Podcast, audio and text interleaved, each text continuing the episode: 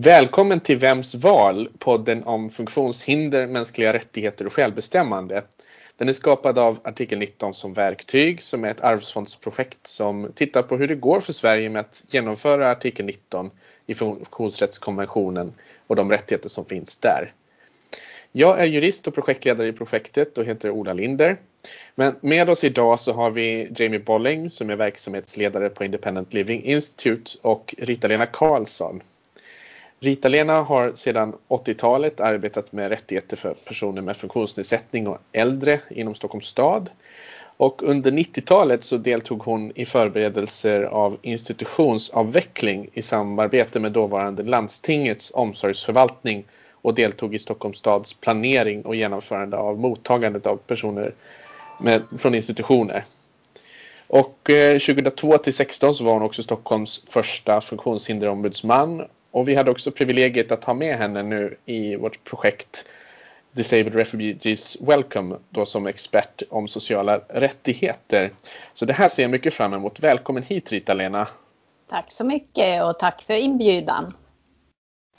Ja, jättekul att du kan vara med oss. Vi tittar just nu mycket på just det här med institutioner eller begreppet institutioner och vad, det innebär för någonting. Just att vi har en historia inom funktionshinderpolitiken där personer med funktionsnedsättning ofta var hänvisade till institutioner och till viss del fortfarande är det.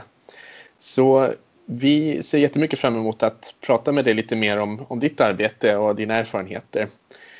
Men jag kan börja med att fråga, vad, vad var bakgrunden till de större institutionernas avveckling i Sverige? Hur kan det beskrivas? Eh, den kan eh, beskrivas med att eh, vi har en fruktansvärt sorglig historia när det gäller om eh, behandling av personer med funktionsnedsättning i det svenska samhället. Eh, och eh, vi kan börja få kunskap om det och läsa om hur det såg ut redan på 1800-talet. Men vi behöver inte fastna i att oj, det var då, var det på det sättet nu, det var länge sedan.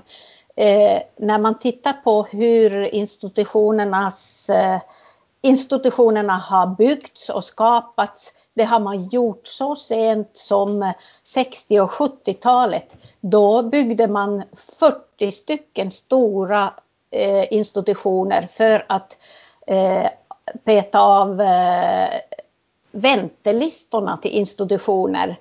Eh, och det klarade man av till 1980. Och då när man tänker på det så är det nästan skrämmande att vi höll på med eh, institutionernas utbyggnad i den här storskaligheten så sent i det svenska samhället. Eh, och eh, väldigt styrande har ju läkevetenskapen varit. Det är mycket doktorer i långa linjer som har uttalat sig om att det är inte, Eh, vad ska jag säga, samhället har inte råd Eh, och det finns inget värde och mening med att satsa på de här människorna med funktionsnedsättning. Eh, det finns till och med uttryck i någon eh, familjeläkarbok, eh, tryckt 88, eh, där man eh, rent av påtalar att man eh, ska inte utsätta barn med funktionsnedsättning för missriktat moderskärlek. Eh, när det gäller de mödrar som ville verkligen ha sina barn hemma. Och eh, ända fram till 60-talet så eh, kunde man tvinga eh, att barnet ska lämnas till institution när man hade funktionsnedsättning. Det var först på 60-talet man införde eh, möjligheten där man ska begära att få den här vården till sitt barn. Så att Ehm, eh, det finns, eh, vad ska jag säga, eh, människornas, samhällets syn på personer med funktionsnedsättning och lagstiftningen som eh, har styrt hur mycket institutionsvård vi har haft i Sverige och gubevars också med tiden eh, har lagstiftningen eh, bidragit till att vi har beslut om institutionernas avveckling. Och livet på de här institutionerna, de här stora institutionerna, finns det någonting som utmärker dem? Finns det någonting som skiljer sig mot hur det är att leva ute i samhället? Det är otroligt mycket eh, som, vad ska jag säga, eh, är bra exempel på hur, eh, vad ska jag säga, värdelöst livet har varit för människorna på institutioner. Mm. Och eh, eh jag vill verkligen göra reklam för Karl eh, Grunewalds produktion.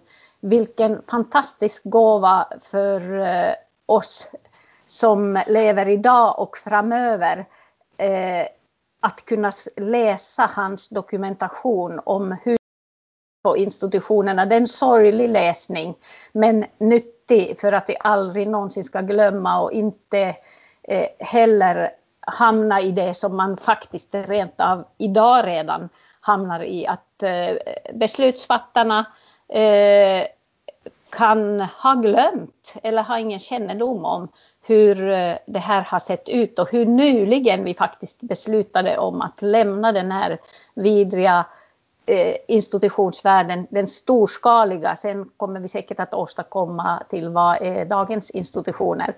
Men eh, Karl Grunewalds bok Från idiot till medborgare, en jättetegelsten, otroligt läsning. Också hans bok Omsorgsrevolutionen och sen en färsk bok faktiskt, Margareta Perssons gamla synsätt spökar i eh, en.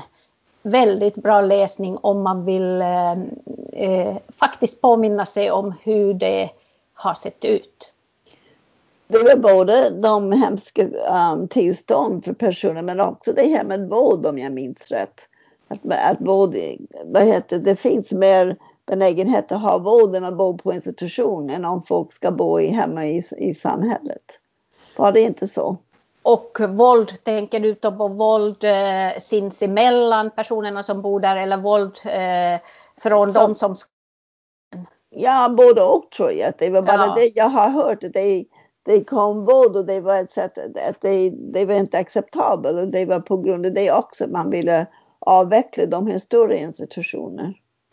Och Eh, det, det, är, ju, det är ju fullständigt eh, säkert och självklart att eh, exempelvis om man har eh, funktionsnedsättning som också innebär utåtagerande beteende. Man lever i ett enormt sammanhang. Man, det enda privata bekanta, man kanske har en koffert som man hade i gamla tider eh, där man har några ägodelar och övrigt har man också andra med väldigt eh, eh, stora svårigheter och väldigt lite personal var det ju på eh, institutionerna i förhållande till hur många som bodde där med stora behov. Och sedan eh, institutionsvanorna hos personalen. Och eh, alla gånger eh, tvång och eh, vad ska jag säga minimala möjligheter att eh, uttrycka sina egna önskemål eh, självklart har det bidragit till eh, otroligt obehagliga situationer. Och jag tänker bara på en sån sak. Ja, visserligen, jag fyller 70 nästa år. Eh, så att eh, jag kan ju börja prata sådär, så var det förr och vad som var bättre och sämre. Det var fruktansvärt mycket som var sämre förr. Eh, eh när jag eh, under studietiden praktiserade på långvård på Långbros sjukhus för personer med psykisk, eh, psykiska eh, funktionsnedsättningar, psykiatri, problematik, långvariga eh, vistelser på detta sjukhus. Under min praktiktid, jag mådde, det var min eh, vad ska jag säga, mest deprimerade tid under min ungdom. För det fanns det här med att duscha, sådär, eh, vad ska jag säga, boskapsaktigt sätt och att det fanns inte ens utrymme till att säga att nu vill jag inte duscha. Och vem skulle inte vilja liksom vara naken i kalla miljöer i såna här eh, duschstolar, massor med folk runt omkring. Det var så fruktansvärt ovärdigt och det var på 70-talets början. Och eh, på samma sjukhus så det brukar jag ibland eh, berätta om att jag hatar påskris. Och det beror på att eh, på en avdelning så fanns det sådana här påskrisvaser på golvet då. Och en man som förflyttade sig genom att sitta i rullstol och sparka sin eh, rullstol bakåt. Så att han backade med den i korridoren. Men han bands fast i en fåtölj i dag över hela påsken där han skrek olycklig för han fick, kunde inte backa runt med sin stol. Bara för att de där förbannade påskrisvaserna skulle välta. Och sen dess tål jag inte påskris. Eh, och det var ju också ett eh, sånt här institutionsvaneexempel på att det fanns, det liksom saknades hänsyn och eh, hänsynstagande och, och att sätta sig in i en persons situation. Hur skulle vi lösa det här så att det här fungerar för alla? Den tvången blev våld, men ja. ja. ja. Precis. Ja, det är väldigt målande det du beskriver om de olika missförhållanden som måste ha funnits utbrett i de här typerna av boenden och institutioner. Och eh, jag förstår med bakgrund av det verkligen varför de behövde stängas.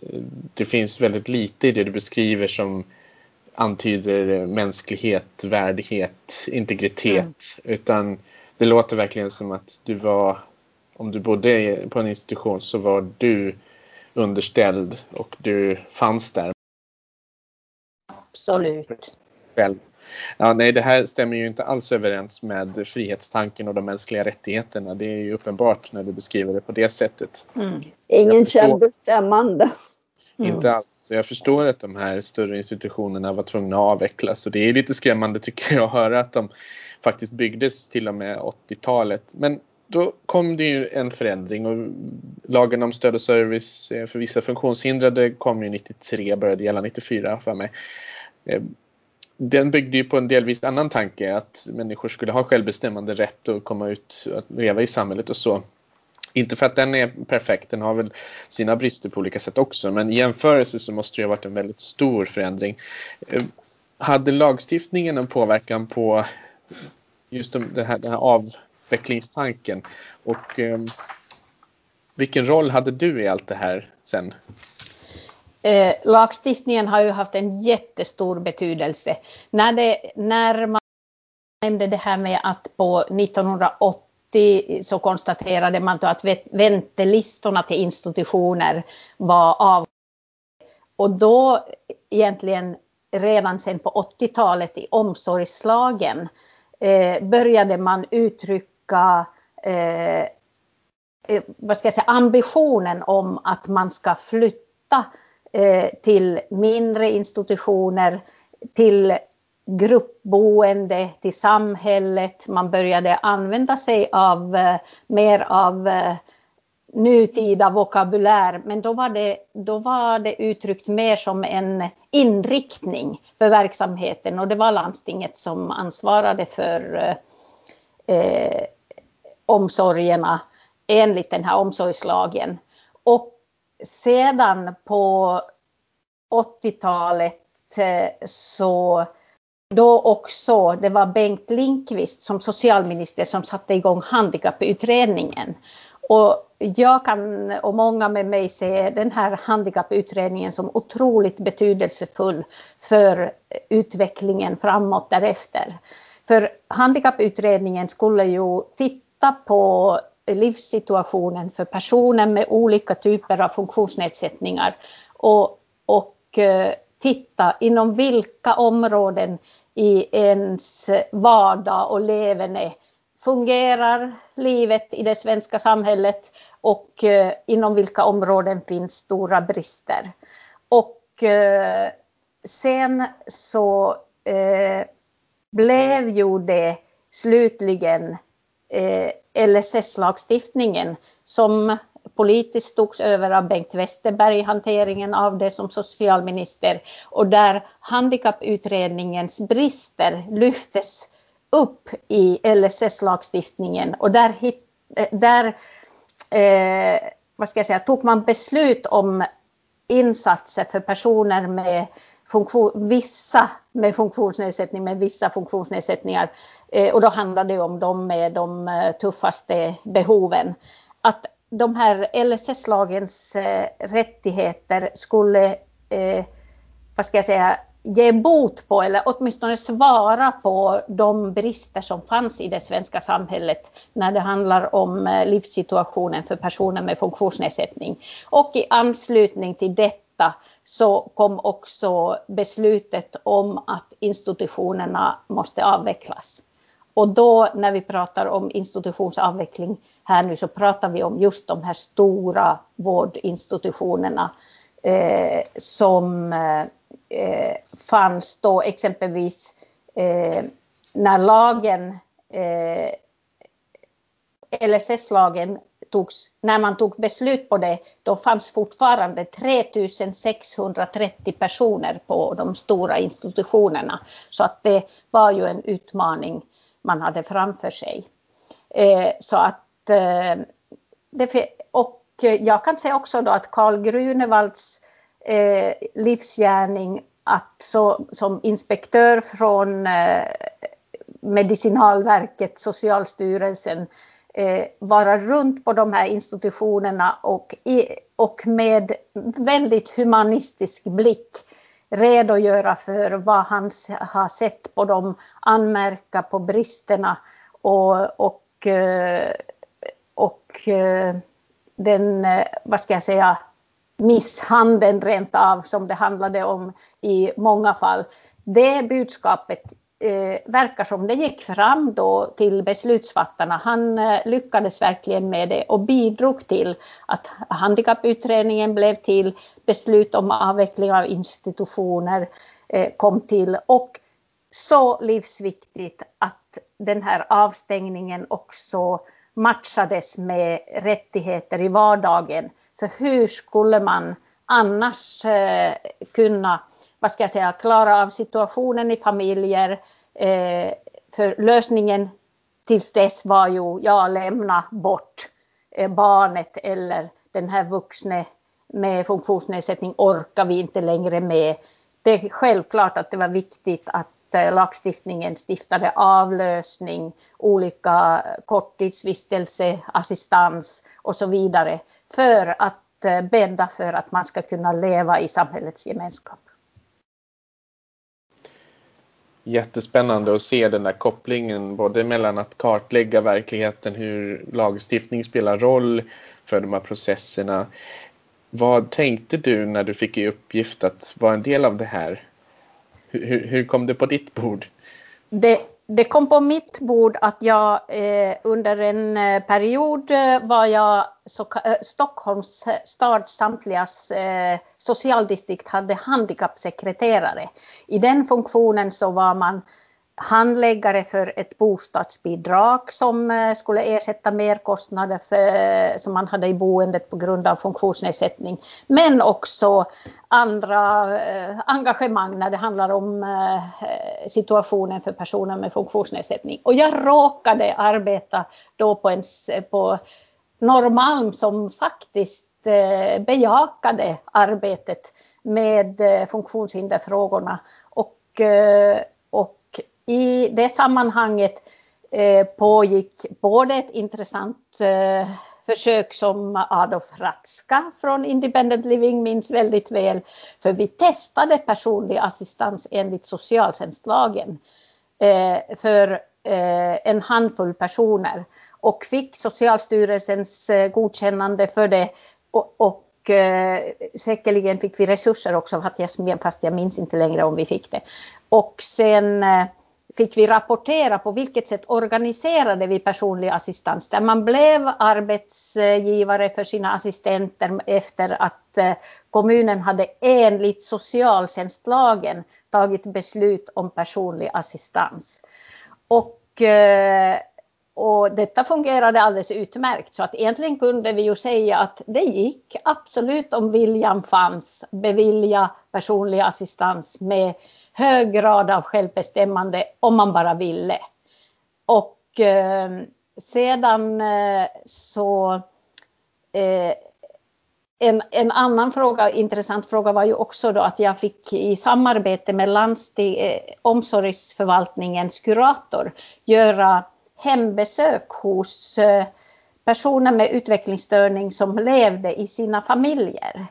De levde inte inför institutionsavveckling så ville vi tänka även på de personerna eh, som aldrig hade flyttats till eh, institutioner utan bodde med sina föräldrar. Det var många åldriga föräldrar med vuxna eh, söner och döttrar som eh, levde i mer eller mindre gynnsamma förhållanden i sitt familjehem. Och det var familjer där man eh, hade rymt från BB bland annat för att inte råka ut för det här med att barnet togs med våld till institution.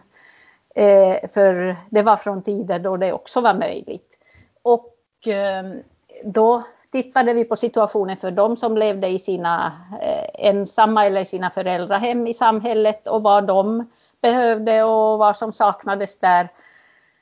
Och sedan eh, när eh, beslutet om eh, institutionernas avveckling kom, då 1997 kom man ju fram till att det gick alldeles för sakta.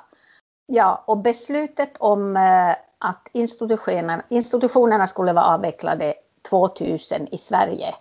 Och man insåg ändå att 1997 fortfarande gick den här vad ska jag, avvecklingsarbetet alldeles för långsamt framåt. Fortfarande fanns det tusen personer kvar på institutioner och några år kvar till 2000. Och då eh, kom en tvingande lagstiftning för landstingen och kommunerna att varje landsting skulle tillsammans med eh, sina landstingskommuner eh, göra en individuell plan för varje person som var kvar på institutionen. Och Eh, då skulle man i den individuella planen titta till vilken, naturligtvis till vilken kommun tillhör den här personen eh, och var, vart kommer den här personen att flytta och när. Och eh, i Stockholm eh, var ju jag då bland annat en av de personerna som skulle planera tillsammans med landstingets ansvariga eh, framtida tillvaron för ett antal personer. Och eh, väldigt gripande minns jag var det också att en del personer bland annat föll till Stockholms stads eh, ansvar för att man hade hittat dessa personer utanför fattigvården på Vasagatan i en låda. Och på det sättet placerade man den här personens tillhörighet eh, eh till Stockholms stad för man hade hittat bebisen på Vasagatan. Och eh, sådana öden behövde vi ju då hitta framtid för och då gällde det verkligen inte att vara pessimist och tänka så här men det är eh, vad ska det tjäna till och vad kommer den här stackaren som behöver flytta och så vidare. Och där kan jag inte låta bli att berätta historien om två eh, 80-åriga farbröder som hade hittats i Stockholm någonstans och eh, som bebisar och hade bott i institutioner hela sitt liv. Och eh, sen så planerade vi eh, gruppbostadsboende, egen lägenhet eh, i gruppbostad enligt LSS regelverk högst sex personer i samma gruppbostad med egen bostad och gemensamhetsutrymmen. Och naturligtvis fanns det ju många, de här personerna hade ju inga anhöriga, de hade ju försvunnit för länge sedan eller ingen hade någonsin eh, någon kunskap om dem. Och, eh, men personal i alla fall i det kommande gruppbostaden åkte tillsammans med farbröderna till Ikea och köpte alla nödvändiga saker för hittills hade de ju haft bara säng och sängbord i sitt 80-åriga liv. Och eh, eh på Ikea köpte de en sån här förlovningsbox av köksredskap med fyra tallrikar och fyra skedar och gafflar och så vidare och inredde deras eh, kommande hem. Eh, jag lovade de här farbröderna att när de har flyttat till sina nya hem så ska jag komma och ta en fika hos dem. Och eh, jag kommer aldrig någonsin att glömma de där fikastunderna för att eh, när hos den ena när jag tog en fika och intervjuade hur livet hade blivit Så, och vad, min fråga var, vad är du mest glad över eh, här när du har fått flytta till eget hem? Då sprang han ut till eh, sin ytterdörr och pekade på namnskylten. Han hade aldrig sett eh, en namnskylt på sig själv någonstans. Och den namnskylten var han mest lycklig och stolt över. Och den andra farbrorn eh, gjorde ungefär samma sak men han uppskattade allra mest att ha en brev, egen brevlåda. Att han fick sin egen post i en egen brevlåda utan att det kom något brev från någon personal som lämnade det över till honom. Och så små saker kunde bli så viktiga för dem och på något sätt också, vad ska jag säga, peka ut för oss vad eh, integritet, eget liv, viktiga frågor i vardagen eh, som man styr över, vad smått det kan vara men ack så viktigt.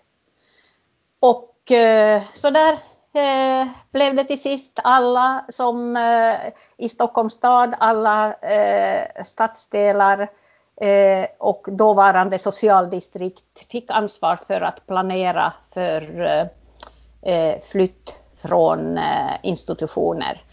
Och en intressant fråga är ju i vilken ordning man eh, flyttade från institutioner. Man eh, ordnade ju tillvaron först för dem med eh, lindrigaste behov eh, som skulle lätt kunna anpassa sig i det nya livet i gruppbostäder. Och allra sist på institutioner blev kvar de med allra mest utmanande beteende allra största svårigheter. Och eh, idag är min absoluta åsikt att de personerna borde ha fått flytta först. För hos de personerna var förändringen allra, allra störst och där hände det otroligt eh, häftiga saker och som gav svar på att den institutionsmiljön de levde i, sittandes i korridor, långa korridorer med människor i vita rockar som eh, gick fram och tillbaks. Eh, där man liksom knappt kände vilka som var ens eh, boende kamrater, vilka som var personal, vem var vad. För dem blev det så otroligt stor skillnad att komma till en liten, ett litet sammanhang där man kände vilka som var mina boendekamrater i min eh, gruppbostad dit man flyttade och vilka som är personal. Och de gick där i sina privata kläder. Och helt plötsligt hände det helt otroliga saker som, eh, som direkt efteråt kunde enbart kopplas till, det var inte, det var inte så kallat fel på personen utan mycket av ens beteende handlade om att det var en reaktion på att jag mår så fruktansvärt dåligt och eh, jag vet inte vem jag är och var jag är och vad som förväntas av mig. Ja, det är jätteintressant det du berättar om hur den här processen gick till och lärdomar som vi kan få. Just att det, det, det är en vanföreställning som kan finnas att eh, vissa människor behöver boenden. Mm. Just att de med kanske störst behov av stöd eh, kanske just behöver det på ett sätt som också gör att de får vara sig själva och inte inordnas i någon medicinsk mm. struktur. Mm. Samtidigt tänker jag som du sa, på dem, det är väldigt fint berättat om de här personerna som var 80 år när de fick komma ut. Mm. Eh, och att de fick en brevlåda och, namnskylt på dörren som de uppskattade. Jag tänkte att det är väl precis sånt har en identitet. Det är väldigt mm. tydligt sådana saker som vi alla, eller de flesta av oss som i alla fall har den, den makten över våra liv ändå tar för givna. Att Precis. Vi ska ha de här sakerna. Vi ska kunna stänga en dörr och det ska inte komma någon in när man inte vill att de ska vara där och ta emot mm. sin egen post. Det är ju grundläggande. Verkligen. Mm. Och att eh, det framförallt, nu vet jag inte, det var inte det du sa, men att det är ingen som ska öppna posten framförallt. Det vore ju en kränkning i sig också. Av rätten till korrespondens och jag bara kan misstänka att det händer ibland att saker och ting öppnades mm. även på de här större institutionerna när personalen hade den här typen av total makt över personernas liv. Och skulle kanske lätt kunna bli så idag också om man exempelvis har närstående eh, godmanskap, kanske i bästa fall är det en bättre godmanskap än så, men att personalen får den typen av anvisningar som är väldigt institutionspräglade eh, och eh, sånt som vi behöver hysteriskt bevaka att det inte händer. Precis, hur, eh, hur kan vi tänka kring det då? För att vi har ju de här gruppbostäderna kvar som fanns eh, redan från 80-talet och som ett sätt att flytta människor från de större institutionerna till någonting annat som ansågs vara lite bättre. Men hur ska, hur ska det säkerställas att de här gruppbostäderna eller egentligen alla lösningar som fanns inte innebar i princip samma typ av förtryck? Mm. Alltså, det är ju inte nödvändigtvis fråga om storleken på, på huset som avgör om, om en människa har val och kontroll i sitt liv. Utan det kan ju just handla om om hur stödet utformas. Vad, vad tänker du om det? Hur ska vi veta att det blir rätt? Ja, jätte, jätteviktig fråga och allra först så tror jag ju ändå att eh, ja, och jag behöver inte tro någonting utan det måste ju vara så, så som lagstiftningen också har påtalat att gruppbostäder får inte vara stora. Att det, det är faktiskt, eh, nu är det väl enligt eh, senaste bud max sex personer i en eh, eh, bostad med särskild service för vuxna. Och eh, ännu mindre när det handlar om barn, högst fyra i eh, bostad med särskild service för barn. Och att eh, storleken av eh, den här boendemiljön har ju självklart betydelse för ju större den blir desto lättare kommer eh, institutionsvanorna, också det här med korridoren, eh, regelverk där man börjar störa varandra och då man börjar eh, reglera saker och ting. Till och med under min tid som chef för, då hette det handikappomsorgen, så träffade jag ju på att det fanns helt plötsligt kom man på att det fanns gruppbostäder där eh, dagrummet, vardagsrummet var stängt vissa tider. Natt, från kvällen från visst klockslag. Ja, jag har inte stängt i mitt vardagsrum här hemma. Jag har inte öppettider på vardagsrummet. Alltså, så basic del av boendet att kunna då också träffa andra. Och varifrån har den regeln kommit? Det har kanske varit någon har varit arg någon gång eller det har hänt någonting och då blir lösningen den billigaste institutionsaktiga lösningen att reglera ens eh, eh, frihet och självständighet och, och det här är ju ens hem. Och sådana eh, regelverk kan säkert Eh, hittas av diverse slag. Ehm, så att visst, jättebra, stora institutioner är borta och det är ju ändå så att det finns fortfarande personer som önskar att jag vill hellre bo i en gruppbostad än alldeles själv. Det är läskigt, jag vet inte hur jag ska våga och så vidare. Men det kan jag se det som att det, det finns också, det är jätteviktigt att flyttandet från hemmet som man idag flyttar ifrån till gruppbostad måste också ses som eh, ett steg i boendekarriären. Vi har eh, bott i studentrum, vi har bott i en etta, tvåa, trea, vad har vi flyttat till under livets gång? den möjligheten måste också finnas för personer med funktionsnedsättning att, att den uppgiften i den här gruppbostaden och den stödjande personalen blir att göra mig så självständig som möjligt, att jag ska klara av så mycket som möjligt och rent av kanske eh, kunna drömma om att flytta till mer självständigt boende. Och eh, det är det som är så häftigt idag, att idag har vi en generation som eh, växer upp unga människor som aldrig har behövt flytta till en institution. De har fått bo hemma i sitt föräldrahem med i allra bästa fall eh, älskande eh, föräldrar som har väl tagit hand om en.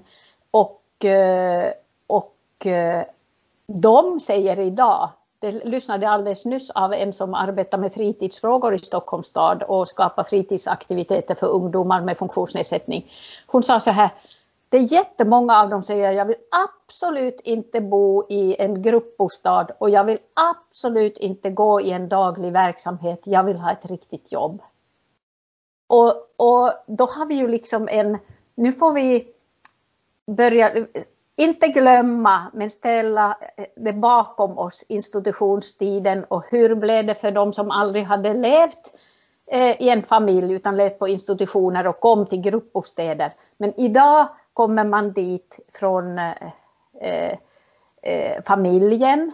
Om man allra bäst önskade det själv eller om det var mor och far eh, som önskade det, det låter jag vara osagt. Men att det blir en viktig vad ska jag säga, plan för fortsättningen att fortsätta att stödja den här personen för att bli så självständig som möjligt. Och idag säger ju just de här ungdomarna också som den här fritidsledaren träffar att ja, jag vill eh, bilda familj, jag vill ha en flickvän och pojkvän och det får man inte ha på gruppbostaden. Bara en sån sak. Jag vill ha en hund, jag vill ha en katt och det får man inte ha för då kanske de har allergi någon. Eh, och då liksom är det så tydligt tecken för oss att se på eh, den här tiden också i en bostad med särskild service då som eh, i gruppbostadsform jaha, hur drömmer jag om att bo längre fram och vad behöver jag lära mig? Plus eh, att sen i det självständiga boendet att man eh, är, inte blir skrämd av att ja, men det kommer nog inte att gå och det kommer du inte att fixa. Eh, att eh, man kan lita på att det stödet som jag behöver, det kommer jag verkligen att få. Men det där tänker jag på när du säger att det finns en rädsla för att flytta hemifrån om du haft en trygg uppväxt och bott med en familj och dina föräldrar mm. eller liknande. Mm. Det är väl läskigt för alla? Är det inte det? Att det kan kännas ja. skrämmande. Det är väl ingenting som är särskilt för personer med funktionsnedsättning. Så, så egentligen varför ska det där steget behövas? Varför inte hitta sätt att ha ett stöd men i en lägenhet eller vad som helst. Som vem som helst. Och där kommer vi ju till det där, eh, vad ska jag säga, obehaglig omsorg och omtanke måste man ha, men överbeskyddande är livsfarligt.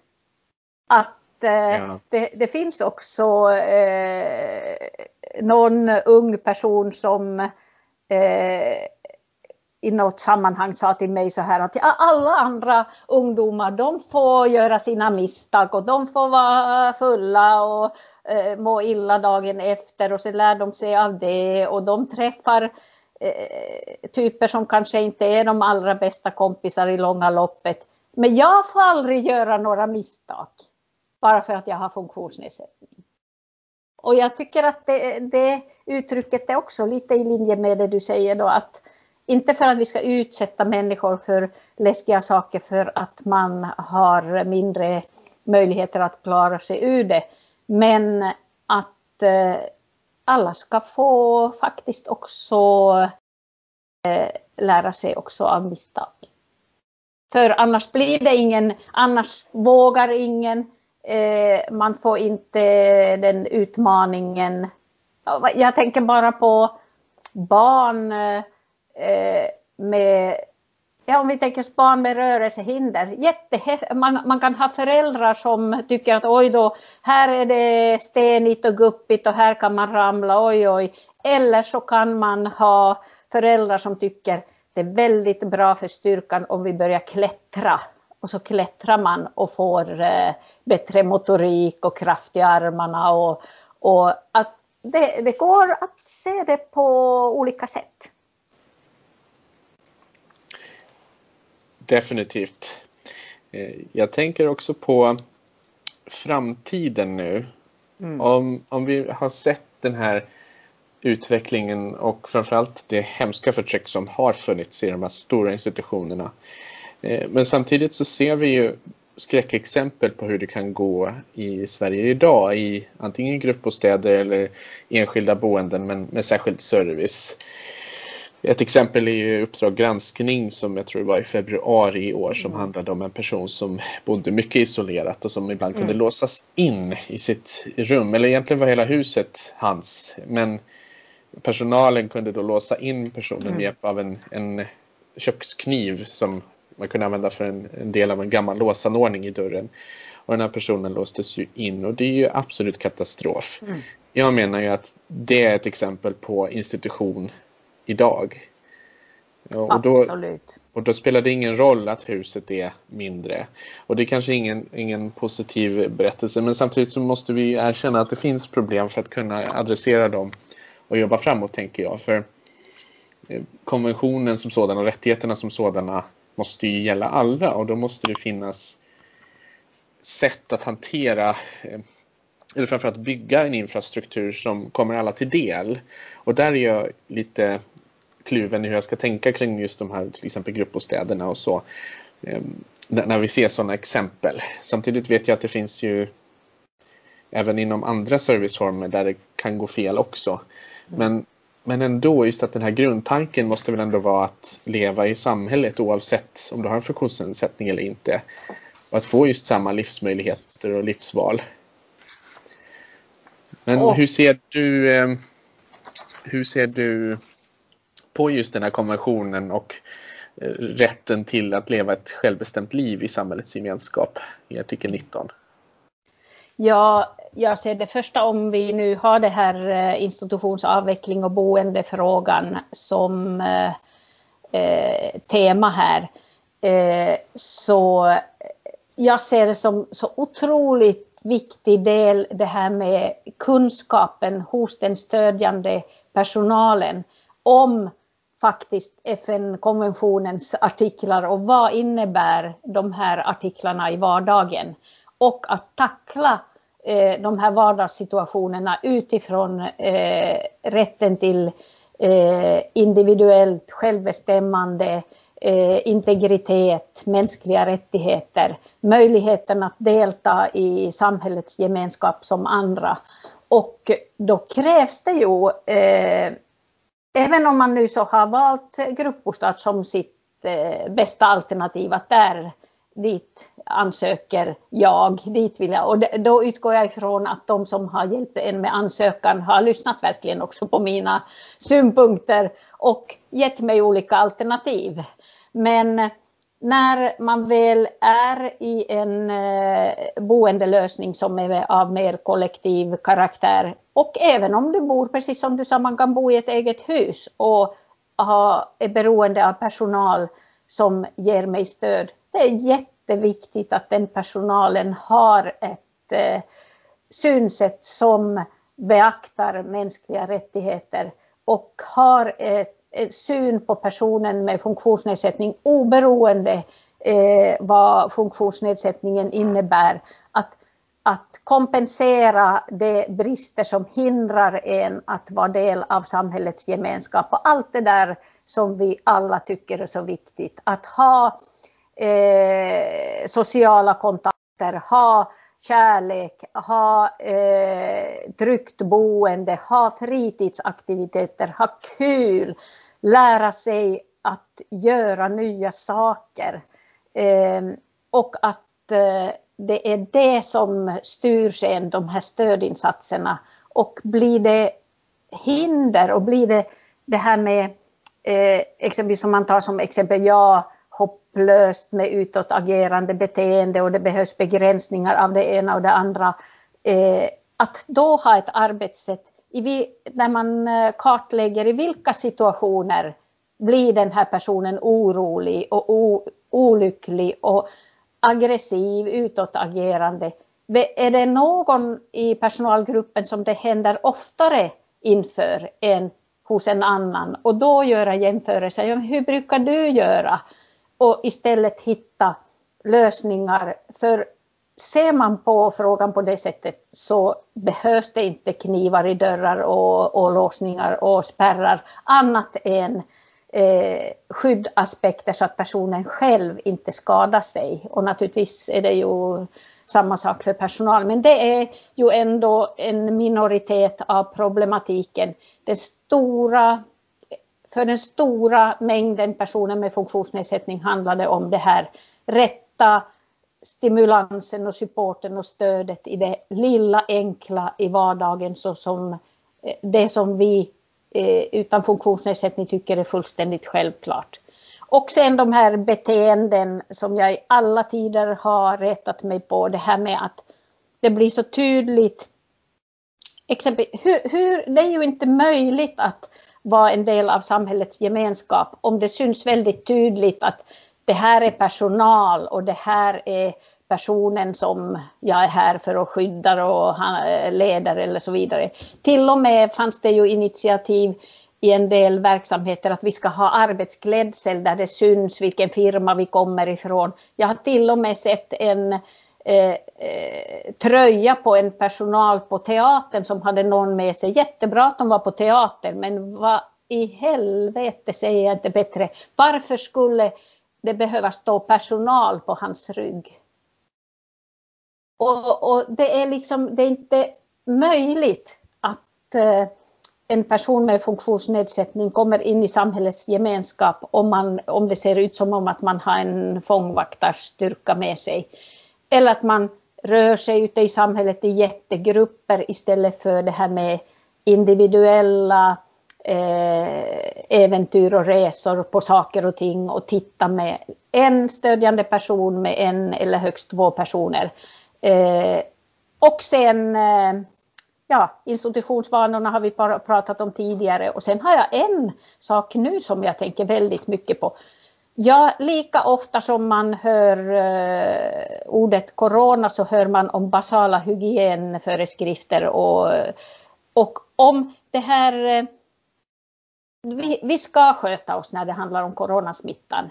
Men det får inte bli att bli ett synsätt som är det gamla synsättet att man är en patient när man har funktionsnedsättning.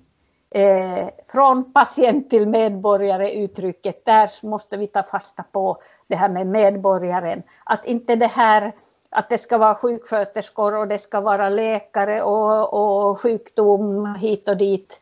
Eh, det får inte ta över eh, stödet till personer med funktionsnedsättning. För man är sjuk när man hostar och när man har eh, influensa och blindtarm.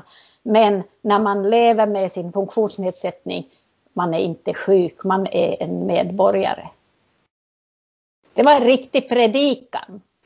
Verkligen. Det är ett eh, väldigt starkt sätt att komma närmare slutet här på den här podcasten. Men jag tänkte ändå på just det som det där exemplet du sa om teatern, just att det var en person som gick på teater och så med sig hade personen en i personalstyrkan från, vi kan väl gissa att det var eller så.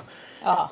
Men det där går ju att komma ifrån genom att ha en annan stödform. Och då tänker jag framförallt på den personliga assistansen när det är personen i fråga som styr den.